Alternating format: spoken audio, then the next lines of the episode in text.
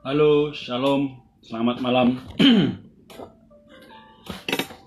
Puji Tuhan, pada hari ini kita bisa kembali di Kefas Indonesia Live. Jadi mungkin saya jelaskan kembali ya. Kefas Indonesia adalah singkatan dari kelompok firman dan studi. Jadi teman-teman sekalian, kita tahu bahwa hari ini banyak orang itu, terutama orang-orang muda ya, mereka mencari komunitas, mereka mencari di mana mereka bisa bertumbuh dengan baik.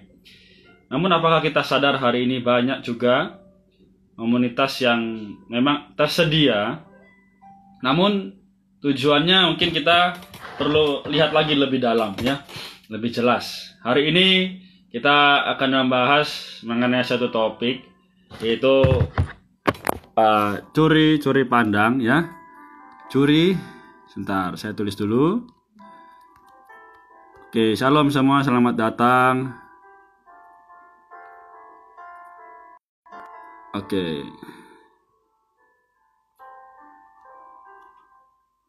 Kita pada malam ini akan ditemani oleh Kak Puji ya. Jadi teman-teman sekalian apa sih pandangan itu.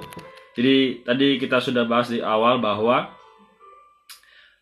kita harus menjadi orang muda atau sekelompok orang yang menantikan sesuatu, yaitu sesuatu yang berharga, yaitu diri Tuhan sendiri, ya. Ya halo semua, Limpu, Rains, Gilang, Marcelin Via, ya. Saya undang sebentar ya uh, sumber kita, Kak Puji ya. Oke. Okay.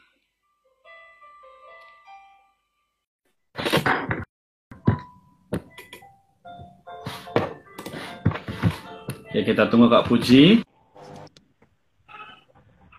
Halo, halo Kak Puji. Shalom. Halo. Puji Tuhan. Bagaimana kabarnya di sana? Ya, amin. Puji Tuhan kami di Kota Palu uh, baik-baik. Tuhan memberkati. oh, oh Kak Puji berasal dari Palu ya? Ya, uh, saat ini diberi uh, kepercayaan uh, belajar melayani di Kota Palu. Oh, puji Tuhan. Uh, boleh tahu nggak Kak Puji itu sebenarnya bekerja atau sebagai apa sih sekarang? Ya, saya uh, memang adalah seorang full timer ya. Jadi saya uh, sepenuh waktu melayani orang-orang muda khususnya ya remaja, pemuda, mahasiswa di di Palu ini ya. Hmm. Palu, Palu sempat gempa bukannya kemarin Kak Puji?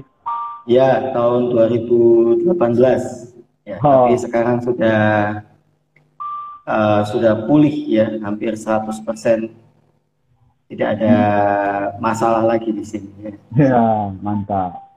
Amin. Uh, setelah gempa apa sih yang Kak Puji alami di sana? Apa Kak Puji datang itu sudah selesai gempanya?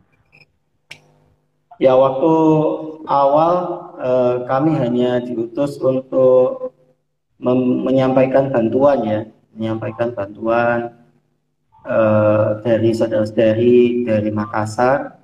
Hmm? Eh, ya melihat saudara-saudari di Palu, eh, jemaat yang ada di sini ya kami mengucap syukur tidak ada satupun yang eh, terdampak gempa 2018 yang lalu ya.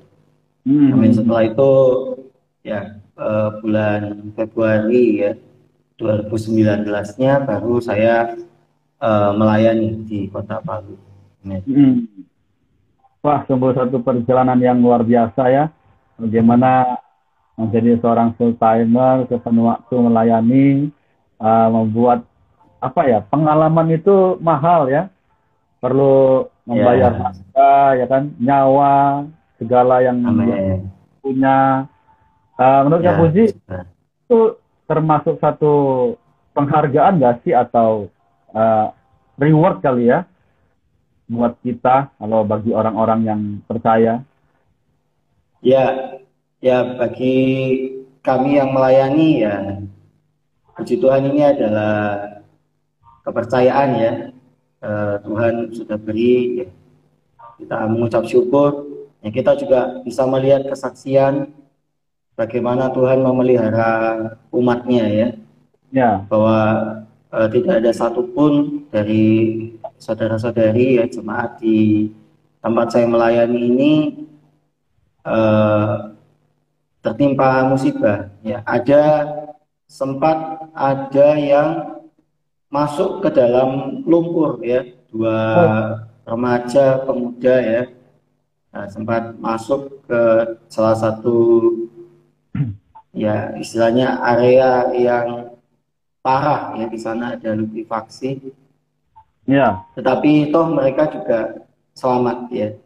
Pada hmm. akhirnya mereka ya oleh pertolongan Tuhan mereka keluar kembali dari sana ya Mm-hmm. Nah, sampai sekarang masih mengasihi Tuhan dua orang ini satu saudara satu saudari puji Tuhan. Amin. Amin. Puji Tuhan ya. Jadi sungguh kesaksian yang luar biasa. Uh, moga teman-teman juga terdorong ya. Malam ini kita akan membahas kembali satu topik yang sudah dipin ya, curi-curi pandang. Mungkin Kak Puji kita yeah. boleh beberapa ayat ya bergantian begitu. Uh, yeah. 2 Korintus pasal 4 ayat 16 ya, saya buka. ya. 2 Korintus, 2 Korintus pasal 4 Amen. ayat 16 sampai yang ke-18 ya. Ini teman-teman yang di rumah halo semua yang sudah melihat boleh juga membaca kitab di rumah ya. Ayat 16 sampai 18 ayat 16 saya ya. 12 Kak Puji nanti 18 saya lagi ya. Amin. Ya. 2 Korintus 4 ayat 16 sebab itu kami tidak tawar hati tapi meskipun manusia lahiriah kami semakin merosot, namun manusia batinnya kami dibaharui dari sehari ke sehari. Amin. Sebab penderitaan ringan yang sekarang ini mengerjakan bagi kami kemuliaan kekal yang melebihi segala-galanya, jauh lebih besar daripada penderitaan kami. Sebab kami tidak memperhatikan yang kelihatan, melainkan yang tak kelihatan, karena yang kelihatan adalah sementara, sedangkan yang tak kelihatan adalah kekal. Amin. Puji Tuhan. Amin. Jadi teman-teman sekalian, uh, tadi tiga ayat itu seharusnya bisa menjadi dorongan bagi kita supaya bisa melihat bahwa yang kita perhatikan adalah yang tidak kelihatan. Baik, ya. sebelum kita masuk ke pembahasan, mungkin saya buka dulu dalam doa ya teman-teman sekalian. Amin. Tuhan Yesus, Allah kami, Bapa kami, kami percaya di kau menyertai teman-teman sekalian, juga hambamu dan tak puji di sini. Tuhan, berkatilah juga jaringan dan sinyal, supaya apa yang kami dengar, apa yang kami lihat, tidak terganggu. Tuhan, biarlah juga melalui topik malam ini, kami bisa mendapatkan terang, kami bisa mendapatkan dirimu yang sejati. Terima kasih ya Tuhan, kami sudah berdoa Berkati dari awal pertengahan sampai akhir. Amin. Amin. Amin. Oke. Okay.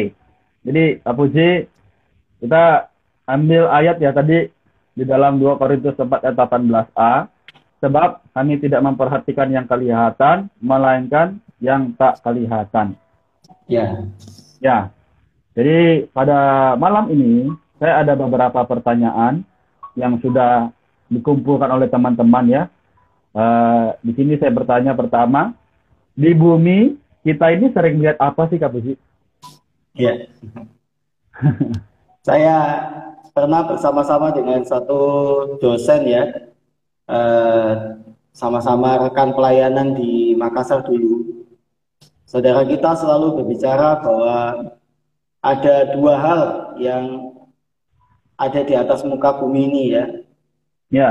Yang pertama adalah uh, fisik yang bisa kita jamah, yang bisa kita lihat, ya, yang bisa yeah. kita dengar dengan organ-organ fisik kita. Mm. Yang kedua adalah metafisik. Ya, Meta. ya, kita sering mengatakan metafisik, ya, metafisika, ya. Artinya adalah hal-hal ini tidak bisa dilihat mata, tetapi ada, ya. Mm. Uh, kemudian tidak bisa mungkin tidak bisa terdengar oleh telinga kita, tetapi ada. Jadi saudara-saudari yang uh, saya kasih ya dalam Tuhan Yesus, kita mata jasmani kita melihat eh, benda-benda uh, yang kelihatan ya, yang kita bisa jumpai di sekeliling. Tetapi kita juga uh, bersaksi bahwa di pandangan umum pun ada yang namanya mata hati. Ya. Hmm. Tapi sebenarnya kita juga tahu ada, ada juga roh ya. Nah, hal-hal ini memampukan kita untuk melihat yang tidak bisa kita lihat dari mata jasmani kita. Ya. Jadi kita tidak hanya melihat hal yang kelihatan, tetapi sebenarnya ada ya yang walaupun tidak bisa kita gambarkan secara fisik, hmm. tetapi itu ada ya. Dan kita memakai juga istilah melihat. Ya. Hmm. Amin. Ya. Wah, jadi sungguh ya, ada yang kelihatan, ada yang tidak kelihatan. Ada yeah. fisik dan metafisik. Oh ini yang para mahasiswa lebih mahir ya. Jadi apa yang kita lihat hari ini ya teman-teman sekalian tadi Kak Puji sudah menjelaskan. Uh. Kemudian ada pertanyaan selanjutnya. Jadi kalau teman-teman yang menonton ini ada pertanyaan ya juga boleh diketik di kolom komentar nanti kita akan bahas sama-sama. Yeah. Oke. Okay. Lanjutnya kalau salah melihat itu bisa fatal nggak Puji? Ya, ini pertanyaan menarik ya. Kalau salah melihat, apakah bisa fatal ya? Uh, saudara-saudari yang uh, live sekarang mungkin bisa juga membuka Alkitab kita ya. Di Matius pasal 5 ayat 29 ya. Di sana dikatakan Matius 5 ayat yang ke-29 ya. Ya. Ya, jika matamu yang kanan menyesatkan kau, cungkilah dan buanglah itu, karena lebih baik bagimu jika satu dari anggota tubuhmu binasa daripada tubuhmu dengan utuh dicampakkan ke dalam neraka. Ya. Hmm. Uh, di Matius pasal 5 ayat 29 ini adalah Nah, ini sangat menarik bahwa melihat itu dikaitkan dengan sesat Ya, saudara. Uh, memang sebenarnya ayat ini bicara mengenai dosa dari melihat secara fisik. Karena di ayat 28 dikatakan ini adalah mengenai memandang perempuan menginginkannya lalu berzina di dalam hati. Tetapi ya. sangat menarik ya bahwa salah melihat ini membuat kita sesat. Ya. Hmm. Nah, sesat itu apa ya, saudara? Sesat itu kan uh, kita ingin mencapai sesuatu menuju ke satu sasaran tetapi kita melenceng. Akhirnya kita tidak sampai di tempat tujuan kita. Hmm. Saudara, Allah itu punya tujuan di atas manusia. Tetapi manusia itu bisa gagal menepati tujuan Allah. Hmm. Gara-gara salah melihat. Ya. ya. Dan akhirnya kita tidak dapat mencapai tujuan Allah, malah tubuh kita binasa. Ya, kita mendapat penghukuman. Hmm. Ini kan kerugian. Ya, kerugian bagi Allah, juga kerugian bagi kita. Nah, kita tidak mau sampai mengalami hal ini ya karena itu jangan salah melihat ya. ya. Hati-hati dengan apa yang kita lihat. Yang kita ah. lihat itu bisa menyesatkan kita. Betul. Ya. Sasaran Tuhan atas kita, kita perlu tahu dengan jelas. Lalu kita jangan jangan lirik-lirik ya. jangan terlalu banyak melihat ke kanan dan ke kiri. Takutnya kita melihat sesuatu yang adalah membuat kita masuk dalam dosa dan akhirnya menyesatkan kita. Mm -hmm. Oke, okay. Jadi dalam fakta ini sebenarnya dalam beberapa waktu ini tiga bulan lebih ya Kak Puji ya kita sudah dalam hmm. masa pandemi kita juga sudah melihat bahwa Tuhan itu sebenarnya ingin ngomong apa sih ya kan? Ya. ternyata nggak sedikit ya orang-orang muda itu uh, menggunakan sosial media.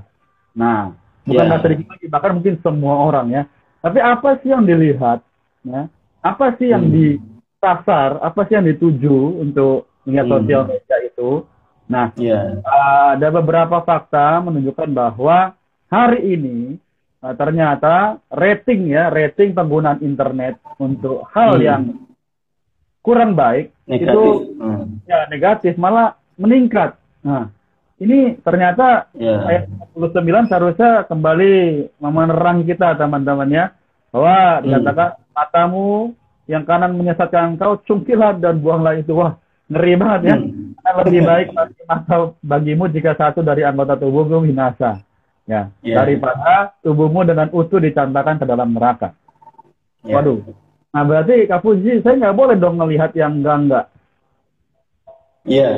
ini sebenarnya kegagalan manusia ya uh, banyak tokoh-tokoh besar ya yang saya ingat uh, paling tidak adalah Daud Daud saat itu mungkin juga keadaannya seperti kita ya cuma hmm. memang keadaan Daud ini lebih positif artinya dia tidak berangkat berperang. Ya, hmm. ya, dia tidak berangkat berperang dia bersantai-santai di rumah lalu dia bangun pada sore hari. Ya kita tidak tahu ini raja ini mungkin kurang kurang kegiatan ya aktivitasnya kurang jadi dia sepanjang hari tidur terus ya. Ya. Lalu dia bangun dia berjalan-jalan di atas soto dan dia melihat Berseba ya ya, ya. kalau dia salah ya. Lalu ah dia mulai mengingini. Nah dari melihat ini wah membuat dia apa? Jatuh ya. Hmm. jatuh. Dia membuat siasat yang jahat.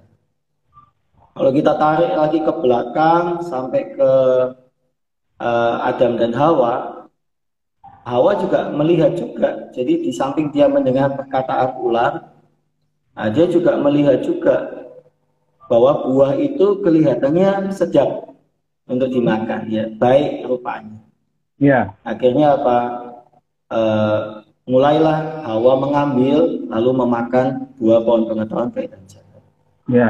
Jadi saudara-saudari, apa yang kita lihat ini menentukan ya apa yang akan kita lakukan kelak. Jangan kita mengatakan ah ini kan cuma hiburan saja ya, ini kan cuma selingan saja ya. Tidak akan ada dampak apa-apa buat saya. Tidak bisa begitu ya ternyata Alkitab membuktikan bahwa apa yang kita lihat itu benar-benar bisa menyesatkan kita, ya, hmm. ya, mencelakakan kita. Ya, iya, iya. Ya. Oh, saya kembali diterang ini kasus ini. Atau hmm. bahkan seperti kalau kata Alkitab tuh ya, seperti pedang yang bermata dua, ya, ya. memisahkan jiwa dan roh, menusuk amat dalam, oh, rasanya sakit sekali. Ya. Sakitnya di sini, ya. Uh, kemudian uh, kalau kita bahas terus ya mengenai ini pasti nggak ada habisnya. Namun yeah. gimana sih cara kita supaya bisa melihat yang tidak kelihatan, yang katanya benar itu, ya kan? Jadi kan hari ini yang kelihatan itu hmm. sementara atau katanya yeah. itu bayangan. Tapi gimana yeah. supaya kita bisa melihat yang tidak kelihatan, ya kan? Ya. Uh, di dalam kitab Efesus ya uh, Paulus mengatakan bahwa dia berdoa ya supaya uh, mata hati kita terang hmm. supaya kita tahu mana kehendak Allah ya mungkin ada kawan-kawan yang bisa ini ya sambil lihat di Alkitab atau search di mana itu ya Paulus berdoa meminta kepada uh, kepada jemaat ya kepada Allah agar jemaat di Efesus ini dibukakan ya. mata hatinya ya. Nah, saudara-saudari kita perlu berdoa juga supaya kita bisa melihat apa yang tidak kelihatan ini. Kita perlu berdoa kepada Allah ya, Tuhan buka mata saya ya. Oh. Nah, supaya saya bisa melihat ya apa yang menjadi kehendak Allah di atas saya ya. Hmm mata hati saya ini supaya terang. Ya, ah, ya. Uh, mungkin memang banyak uh, alasan yang membuat mata hati kita ini menjadi tidak terang. Ya, Efesus pasal 1 ayat 18 kata ini ya teman kita ya. Terima kasih. Di sana eh, dikatakan eh, mungkin kita ini ada yang menutupi mata hati kita ya. Ya. Ya kan? Atau kita melihat kepada yang lain. Hmm.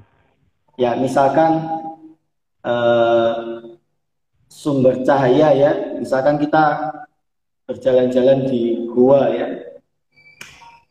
Di gua kalau kita membelakangi sumber cahaya yang kelihatan di atas kita, eh di depan kita ya gelap.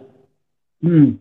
Betul tidak? Saya pernah di Makassar itu ada namanya ada gua ya, ada gua di Bantimurung. Nah, salah satu air terjun yang bagus di Makassar. Ya. Kita masuk ke sana. Kalau kita memandang ke dalam gua ya kelihatan ya gelap. Ya. Tetapi kalau kita berbalik, oh, yang kita lihat adalah terang. Hmm. Saudara, kadang-kadang kita ini berjalan menuju kepada arah kegelapan. Hati kita ini condong kepada hal-hal yang gelap. Ya, kepada dunia hari ini. Ya. Nah, dunia hari ini ya gelap. Ya.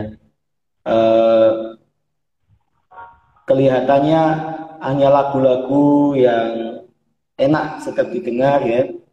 Tetapi kalau kita lihat video klipnya, oh ternyata disisipkan di sana ada pornografi, ya. Oh. disisipkan di sana ada LGBT, ya. disisipkan di sana ada eh, ya konten-konten yang sifatnya berhala dan lain sebagainya. Hmm. Hati kita mengarah ke sana, akhirnya terang itu ada di belakang kita, saudara. Kita Hmm. tidak melihat terang, kita tidak nampak kehendak Allah. Nah, kita perlu berbalik dari hal-hal itu. Ya, Iya. berbalik, maka kita akan melihat terang. Ya, hati kita di Korintus ya dikatakan ya, kalau hati kita iman, maka selubung itu diambil dari kita. Amin. Ya, kalau kita arahkan diri kita kepada Tuhan, oh maka apa? Kita akan melihat terang, ya. Kegelapan itu akan disingkirkan. Amin. Oke. Wah. Ini satu fakta yang harusnya kita sudah tahu ya teman-teman sekalian. Jadi memang dikatakan tadi bukan Kapuji yang berkata, tapi firman Tuhan bahwa hari ini dunia semakin gelap. Ya, Hmm. Eh, dunia juga semakin menarik kita jauh daripada Tuhan. Ya. Nah, maka hari ini yang terjadi adalah apa? Teman-teman sekalian kita perlu berjuang tadi, berbalik ya, berbalik kepada terang itu supaya Ya. kita bisa mendapatkan yang tidak kelihatan, yaitu Allah sendiri. Nah, Amin. kalau ditanya, oh ya sebelumnya teman-teman sekalian, kita mohon maaf dulu karena apa? Yang tadinya kita sudah buat visioner katanya mau mulai jam 8, tapi karena ada sedikit uh, pertimbangan, maka kembali dimulai jam 7. Oke, kita lanjutkan lagi. Uh, kalau ditanya nih Kak Puji, kita ini sebenarnya boleh nggak sih uh, memiliki perasaan yang ingin mencuri-curi pandangan gitu? Karena kan Hmm. kita, kalau misalnya saya nih, saya jalan terus ya kan, terus bosen ya kan, wah ini terlalu lurus ini, saya ini pengen belok sedikit. Eh, boleh nggak? Maksudnya kan ya cicipin lah sedikit ya kan, ah ah, segar gitu kan. Ah ini terlalu hambar, terlalu tawar begitu. Nah, tapi boleh nggak Kak Puji kita ini melihat kepada yang lain sedikit terus nanti balik lagi gitu. Iya. Ya, eh, mungkin saya kutip dulu ya yang tadi saya bacakan ya. Di 2 Korintus 3 ayat 16 ya. Ya. Apabila hati seorang berbalik kepada Tuhan, maka selubung itu diambil daripada. Iya. Nah, saudara, masalahnya kita ini manusia ya. Eh, mata kita ini hanya bisa fokus ke satu arah. Oke. Hah? Kalau kita curi-curi pandang, kalau kita punya skill seperti bunglon atau iguana itu boleh ya. Karena iguana mata yang satu melihat ke arah yang mana, mata yang satu lagi melihat ke arah yang satu lagi ya. Ya. Nah, tapi kan kita tidak diciptakan demikian. Mata kita ini hanya bisa ke satu arah saja. Hmm. Nah demikian juga dengan mata hati kita. Ya. Mata hati kita ini cuma satu arah saja ya. E, makanya Alkitab memberitahu kita ya di dalam eh, Yohanes ya hmm. e, di satu Yohanes ya. Ya. Kalau seorang itu mengasihi dunia, maka kasih akan Allah itu tidak ada pada okay. orang itu ya. Ya, ya. Jadi saudara kita hanya bisa mengasihi satu hal, hmm. hanya bisa melihat satu hal. Begitu kita curi pandang, ya sudah. Saat kita curi pandang itu kasih akan Allah, atau kita saat mencuri pandang itu, ya itu saat itu kita tidak sedang mengasihi Allah. Hmm. Ya begitu saja. Ya. Hmm. Begitu kita mencuri pandang, ya melihat kepada yang lain, ya saat itu kita tidak mengasihi Allah. Ya, nah, kalau ya. kasih kita tidak mengasihi Allah, ya berarti kita tidak tinggal di dalam terang. Aha. Ya artinya kita sedang ada di dalam kegelapan. Hmm. Ya memang ini uh, saya pikir bagi kita orang muda ya, ya sulit. ya sulit. Ya. ya tapi ya. tapi saudara kita boleh berdoa seperti doa Paulus ya di dalam uh, Efesus pasal 1 dari ayat 18. Hmm. Kita minta Tuhan menjadikan mata hati kita. Ya. Kita boleh berdoa ya menurut uh, Yohanes ya. Boleh Tuhan dapatkan kasih saya ya. ya. Supaya saya uh, lebih mengasihi Tuhan. Ya, lebih mengasihi. Ya. Uh, berangsur-angsur hari-hari. Moga kasih saya terhadap dunia ya makin berkurang ya sehingga saya bisa melihat ya apa yang hal-hal yang rohani yang lebih penting yang lebih kekal.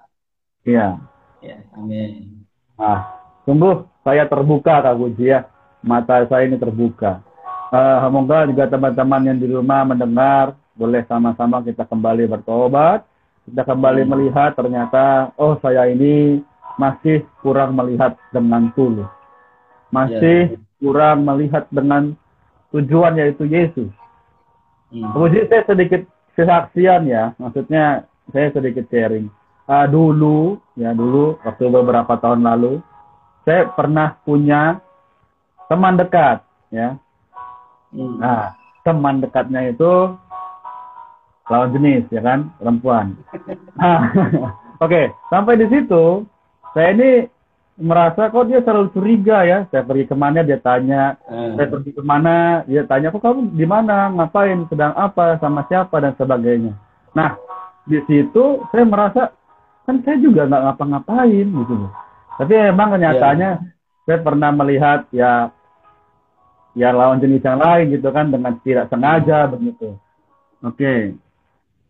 Ini mungkin kita jawab dulu Kak Puji pertanyaan dari yeah. Octavian. Kak Puji, contoh mata kita menjadi gelap gimana Kak?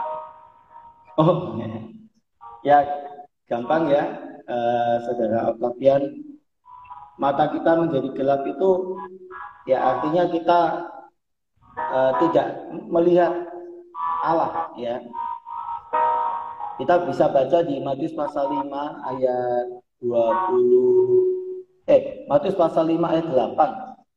Matius pasal 5 ayat 8 ya. ya Matius pasal 5 ayat 8 misalnya dikatakan Berbahagialah orang yang suci hatinya karena mereka akan melihat Allah. Hmm. Suci hatinya di sini adalah uh, bahasa uh, terjemahan yang lebih baik adalah yang berhati tunggal. Ya. Jadi okay. murni. Hatinya itu hanya ada satu isinya di hatinya ya. Ya, mata hati kita kalau tidak melihat alam, ya berarti ya melihat kegelapan. Nah, kalau kita berjalan dalam kegelapan itu sebenarnya kita tidak tahu kita itu mau ke mana. Hmm. Makanya tadi di Matius 5 ayat 29 dikatakan kita ini akan sesat. gelap itu berarti Anda sudah di, kehilangan sasaran. Ya. Ya, kehilangan yang kita maksud sasaran di sini bukan cita-cita, bukan uh, keinginan ya. Sasaran di sini adalah sasaran Allah atas diri Anda. Ya. ya. Apa itu gelap? Kamu tidak tahu kamu ini mau ke mana. Ya mau hmm. Allah mau apa di atas diri kalian ini juga tidak tahu. Ya apa rencana Allah di atas kalian? Ya kita tidak tahu ya. Hmm. Nah karena itu kita perlu terang ya hidup di dalam terang ya agar ya. kita tahu rencana Allah ya atas diri kita. Ya. Jadi jangan jangan bingung dalam gelap ya begitu anda tidak merasakan ada Allah begitu anda tidak mengalami hadirat Allah ya saat itu ada kegelapan begitu anda tidak jelas ya keputusan-keputusan yang anda buat tidak jelas ya anda tidak tahu harus merangkak ya berarti saat itu Anda dalam kegelapan. Ya. Ya begitu Anda tidak tahu apa tujuan Allah atas diri Anda, ya saat itulah Anda di dalam kegelapan. Mm-hmm. Ya bukan hanya berdosa ya. Kalau dosa kan kasar. Mm. Oh, saya habis mencuri. Ah itu kasar sekali. Mm. Saya habis pukul uh, adik saya. Ya saya habis membantah kepada bapak saya, yaitu kita pasti tahu kita ada dalam gelap. Tapi ada yang lebih halus. Oh saya mengasihi dunia. Hmm. Dan saya tidak tahu apa kehendak Allah ke saya. Ya itu juga kita di dalam kegelapan. Ya. Amin. Berarti sederhananya itu kalau kita tidak pandang Tuhan, maka hmm. kita menjadi orang yang gelap begitu ya? Iya, saudara. Karena okay. kan Tuhan adalah terang. Nah, ya. teman-teman sekalian, kita jangan sampai matanya menjadi gelap ya, karena kita hmm. memandang yang lain. Oke, okay. ada pertanyaan dari Winda Bestari 08. Kak, bagaimana caranya supaya kita mutlak memandang pada Tuhan dan tidak curi-curi pandang pada hal lainnya? Amin. Uh, saya pikir uh, ini adalah sesuatu yang berkala ya, saudara-saudari ya.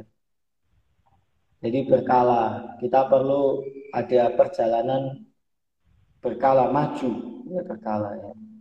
Mm-hmm. Uh, kita bisa ya uh, belajar oleh terang Tuhan. Kalau kita persekutuan kita baik dengan Tuhan ya, yeah. maka Tuhan akan menerangi apa yang sebenarnya dia itu tidak suka di atas diri kita. Ya. Ya, dan dari terang itulah uh, kita boleh dengan taat menyingkirkan satu persatu perkara-perkara yang menutupi mata hati kita. Ya. Ya, misalkan ya kita tidak bisa langsung ya. Pokoknya saat ini saya buang semuanya ya itu kalau ada yang bisa begitu ya puji Tuhan juga. Cuman kan ini tidak umum ya. Ya. Yang umum adalah kita berkala menurut terang Tuhan. Ya. Kalau saya eh, dulu suka membaca komik, saudara. Mm -hmm. eh, koleksi komik saya banyak sekali ya. Eh, berderet rak, rak, apa komik itu serial itu ya. Saya merasa wah ini gara-gara ini mungkin ya. Saya ini gak jelas hidup saya. Mau ke mana ini ya? Akhirnya saya ketetapan satu hal ini saya bereskan. Eh okay, tapi okay. ada lagi ya hobi-hobi yang lain. Nah yang Tuhan tidak berkenan ya. Hmm. jadi kita dengan demikian kita akan makin terang ya. Yeah. makin terang ya mata mata hati kita akan makin tunggal kasih kita atau pandangan kita akan makin tunggal Iya. Jadi tadi saudari Winda ya, teman kita Winda moga terjawab. Bagaimana dengan mutlak? Ya, pandang saja padanya. Kita harus berarti menurut Alkitab meninggalkan itu hmm. ya. Segala kesukaan yeah. kita secara otomatis. Kalau enggak, bagaimana kita bisa mandang Tuhan? Toh depan kita ada selubung. Mungkin kalau saya bisa kasih contoh ya Kak Puji ya. Uh, ya ini ya, saya ada buku ya, ya kan. Kak Puji ini misalnya ya, misal adalah firman Tuhan nih. Ya. Hmm. Terus saya sering baca buku, tapi bukunya yang nggak berhubungan dengan firman Allah, ya kan? Saya baca buku begini mungkin ya. Hmm. Jadi menjadi gelap gitu Kak Puji ya? Bener ya? Ini bagus itu. Enggak maksudnya ini contoh ya. Oke. Kak Puji, demikian harusnya semoga terjawab teman-teman ya. Oke, Ya. kemudian kita bertanya, ya, ada yang bertanya lagi di sini. Ketika kita mencuri-curi pandang, hanya sekedar melihat luaran saja, tidak tahu dalamnya seperti apa, ya. Banyak orang hanya memandang covernya saja. Apa itu benar? Ya, Eh, demikianlah eh, yang dialami oleh Hawa. Hmm, Hawa melihat penampilan dari dua pohon pengetahuan baik dan jahat, ya. ya. Dan itu kelihatannya menarik, ya, Hmm. sedap, ya. Nah, kita melihat sesuatu ya, kita perlu belajar eh, kembali ya kepada pandangan Allah di atas itu. Ketika kita memakai eh, standar pandangan kita, maka kita akan menilai semuanya ya tidak apa-apa. Ya. Ya, Hawa saat itu tidak memakai standar Allah. Hmm. Standar Allah adalah jangan dimakan. Ya, buahnya jangan dimakan. Tapi Hawa memakai standar dia sendiri. Oh bagus kok buahnya, menarik. Kelihatannya enak, sedap. Iya. Ya, hari ini kan kemasan dunia kan dibuat menarik. Iya. Kalau dunia kemasannya tidak menarik, ya tidak banyak orang yang ya dunia dibuat eh, halo Ya, halo, halo. Ya oke bisa ya Bisa, bisa. dunia dibuat menarik supaya kita mau melihat dunia. Kita tahu bahwa Tuhan mengatakan janganlah kamu mengasihi dunia di 1 Yohanes pasal 2 ayat 15 ya. Ya. Oke. Betul ya. tidak ada dalam orang itu Ya. Loh, dunianya bagus kok Tuhan. Ya, tapi standar Tuhan adalah jangan mengasihi dunia. Nah, ini gimana? Ya, ini dilema ya. Nah, tinggal hari ini ya kita saja. Kita mau memakai standar kita, maka kita akan mengatakan semuanya baik-baik. Saya tidak terpengaruh apa pun. Tetapi kalau kita baik-baik merenungkannya di hadapan Tuhan, oh ternyata saya sudah melenceng sangat jauh dari rencana Tuhan. Ya. Ya, saya sudah ketinggalan begitu jauh dari eh, perjalanan kerohanian saya yang seharusnya sudah maju, Mm-mm. Eh, tapi saya melenceng, sesat. Ya, Mm-mm. amin. Oke. Jadi mungkin bisa disimpulkan demikian ya Kak Puji ya. Kita jangan hanya melihat wah ini luarnya enak nih ya bagus. Oh. Wah tapi dalamnya ternyata membuat kita mati. Nah dengan Hmm. firman Allah yang Alkitab yang tulisannya cuma Alkitab yang nggak menarik Hmm.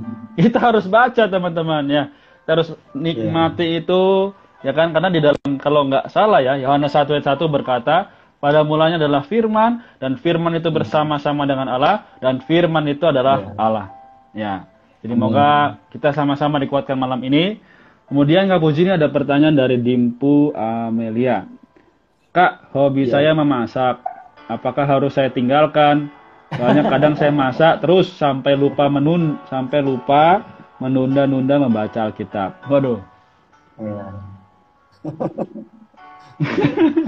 tanyaan yang berat ya Puji. Ah, Kalau nggak kalau nggak dikasih masak nggak bisa makan. Ya, kita bertanya kepada orang, orang itu bisa salah memberi jawaban, ya, saudari. Mm-mm. Jadi bagi saudari ya tadi yang bertanya ya, bertanyalah kepada Tuhan. Ya, mohon terang Tuhan. Hmm. Ya Tuhan, bagaimana dengan hobi saya ini? Nah, mungkin Tuhan akan uh, meminta sesuatu kepada saudari. Ya. Hmm. Apakah itu mengurangi ya atau mengatur waktu atau uh, ya mungkin bertobat dulu ya.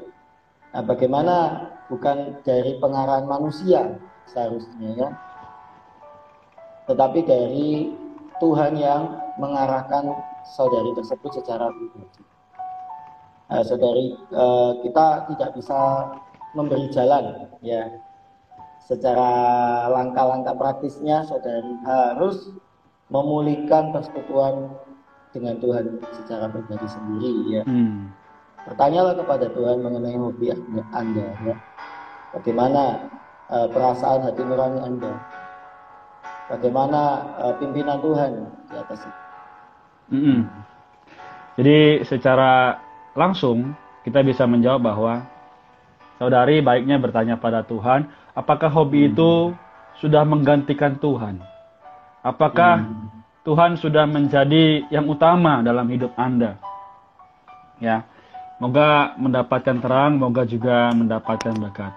Kemudian ada ya, pertanyaan. Ini mungkin saya menambahkan sedikit ya. Oh ya, silakan.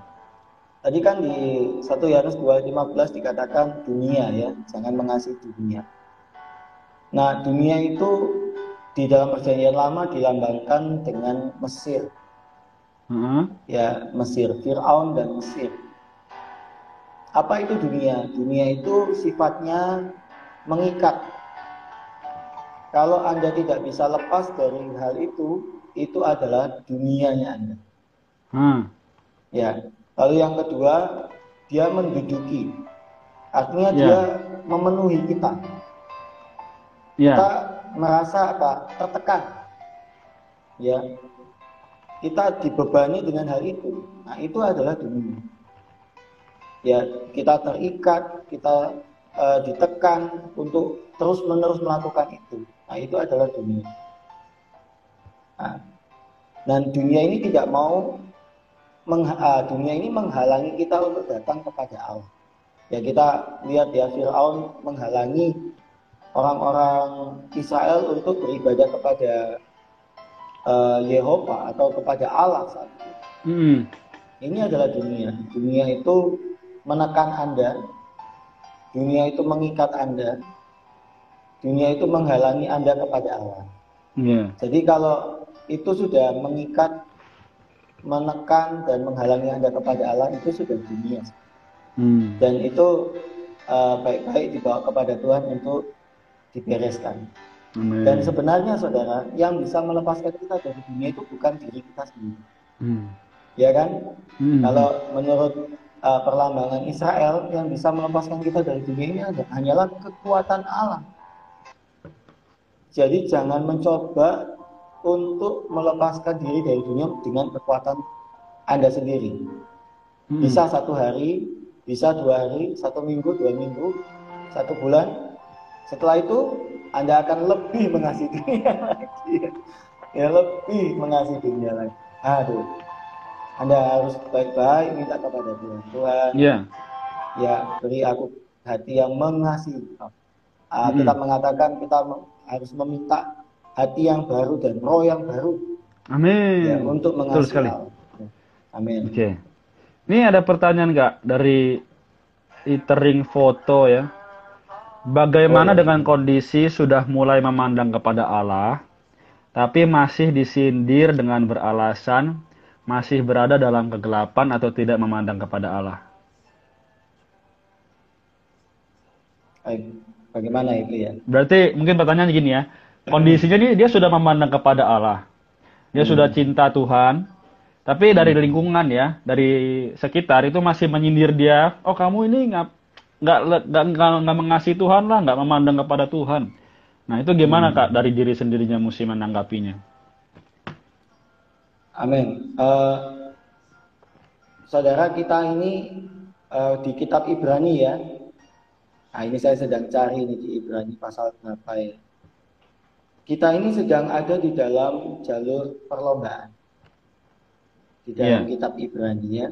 Uh, ada di dalam jalur perlombaan yang uh, di sana masing-masing berlomba menurut jalurnya sendiri-sendiri. Ya. Nah, hmm. kita akan mempertanggungjawabkan diri kita, ya pencapaian perlombaan kita ini kepada Tuhan secara pribadi. Ya. Ya. Nah, karena itu kita tidak bisa uh, menyalahkan sekitar kita. Ya. Dan sepet, dan memang se, lingkungan sekitar kita tidak akan mendukung kita. Ya. Mm -hmm. Tidak akan mendukung kita untuk maju secara kerohanian. Mm -hmm. Ya, uh, ya sekalipun mungkin lingkungan kita rohani ya, semuanya rohani ya. Tetapi hmm. akan ada saja yang menghalangi kita untuk maju di hadapan Tuhan. Ya jangan pedulikan itu. Anda sedang bertanding sendiri. Ya di dalam hmm. jalur perlombaan Anda. Yeah. Ya Anda harus maju saja dengan mata yang tertuju kepada Kristus. Ah, mungkin bisa minta bantuan teman-teman ini ya. Di mana ayatnya ini ya? Ya, marilah kita apa? Uh, ini udah dijawab nih kak. Uh, Gimana? Ibrani 12. Amin.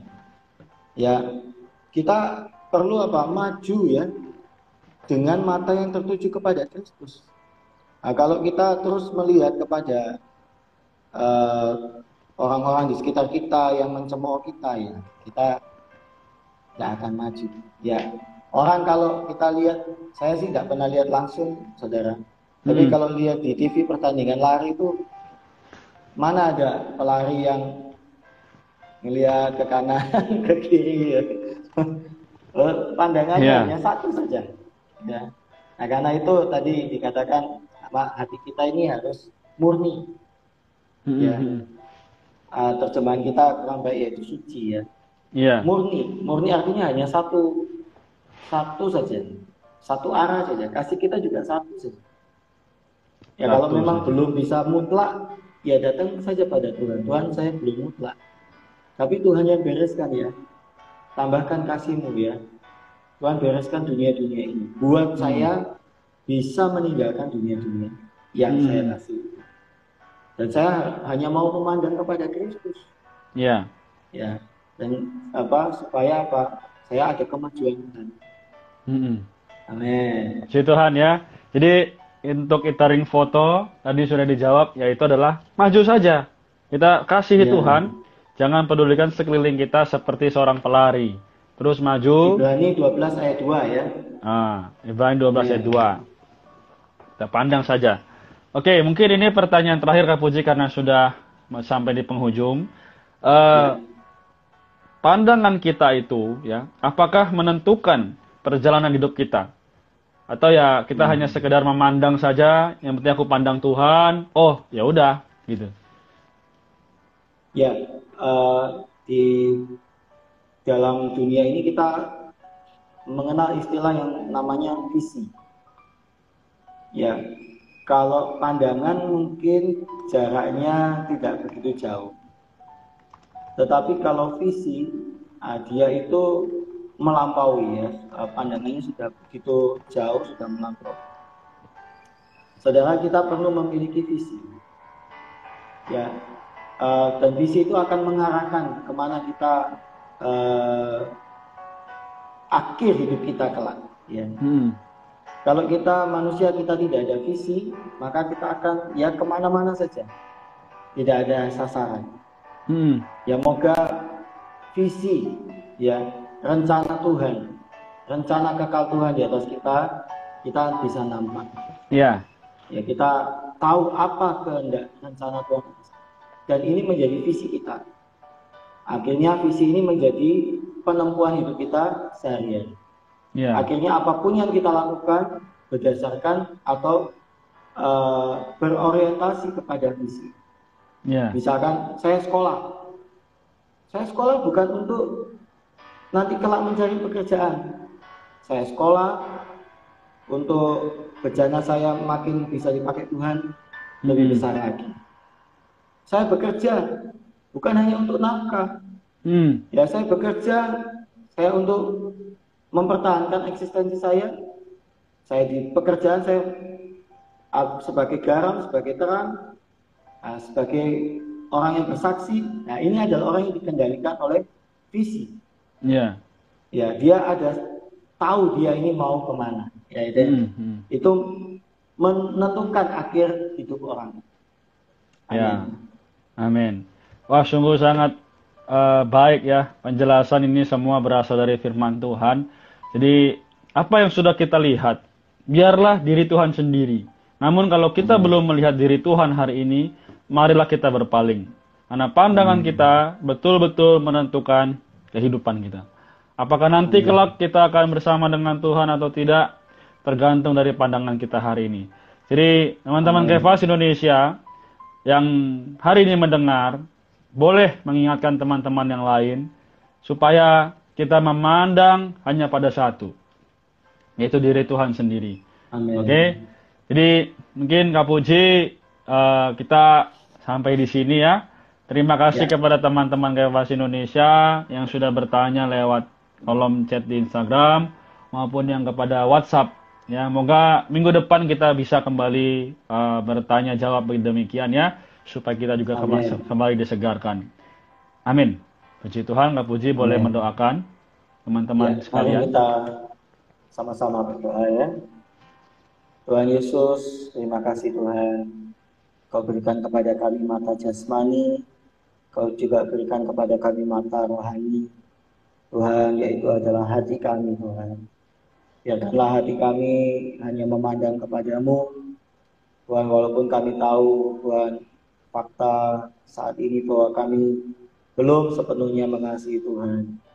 Tuhan dikau yang tahu sebab dikau adalah Allah yang menyelidiki hati kami. Tuhan tetapi kami berdoa, kami memohon kepadamu ya Tuhan. Tuhan menangkan kami Tuhan dari berbagai macam dunia yang ada di dalam hati kami. Buat kasih kami kepadamu makin dalam, makin mutlak, Tuhan makin membuat diri kami uh, maju Tuhan memandang kepadanya. Buat kami ya Tuhan hanya di Kau yang mampu. Tuhan membuat kami tidak mengasihi dunia dan segala sesuatu yang ada di dalam dunia. Buat kami ya Tuhan untuk mengasihi. Berikanlah kami hati yang baru dan roh yang baru. Hati yang mengasihi Tuhan dan roh yang Tuhan menuntut berkobar-kobar. Tuhan mau Tuhan uh, Tuhan menuntut kerohanian kami makin hari makin maju di hadapan Tuhan. Tuhan, biarkan kami juga memiliki visi, satu pandangan ke depan atas hidup kami ya Tuhan. Kami tidak hanya hidup, Tuhan, dengan sembarangan, dengan sembrono, Tuhan, tetapi kami ada tujuan, sasaran, yaitu Tuhan kehendakmu di atas kami boleh terwujud, boleh terlaksana. Terima kasih Tuhan Yesus, bukalah setiap saudara-saudari ini yang mendengar, biarlah kami semua mendapat berkat, mendapat terang Terima kasih. Amin. Amin. Si Tuhan, oke okay, teman-teman sekalian jangan berakhir dulu, jangan mengakhiri.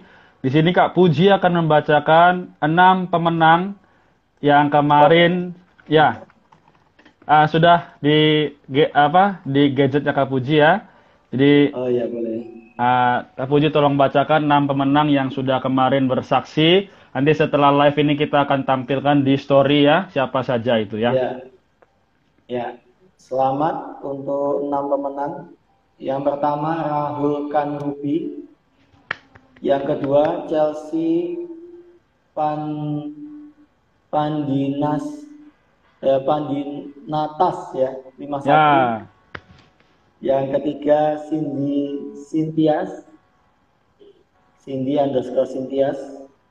Kemudian yang keempat Dimpu Amelia. Yang kelima Gilang 220197. Yang keenam Esther Puspamurti. Oke. Okay. Baik. Jadi Nah, keenam teman-teman ini mereka sudah berjuang ya, bukan yang lain nggak berjuang, tapi ini yang terpilih. Jadi ya. mereka sudah membuat kesaksian bagaimana mereka menikmati dari setiap renungan kefas, uh, ya biar teman-teman nanti ketika ada giveaway lagi mari kita sama-sama ikut supaya apa memberkati diri kita, juga memberkati teman-teman kita. Ya. Amin. Oke, Pak Puji uh, boleh ya. pamit ya. Saya ada ya. sedikit pengumuman. Tuhan, Tuhan berkati. Amin. Terima kasih Kak Puji.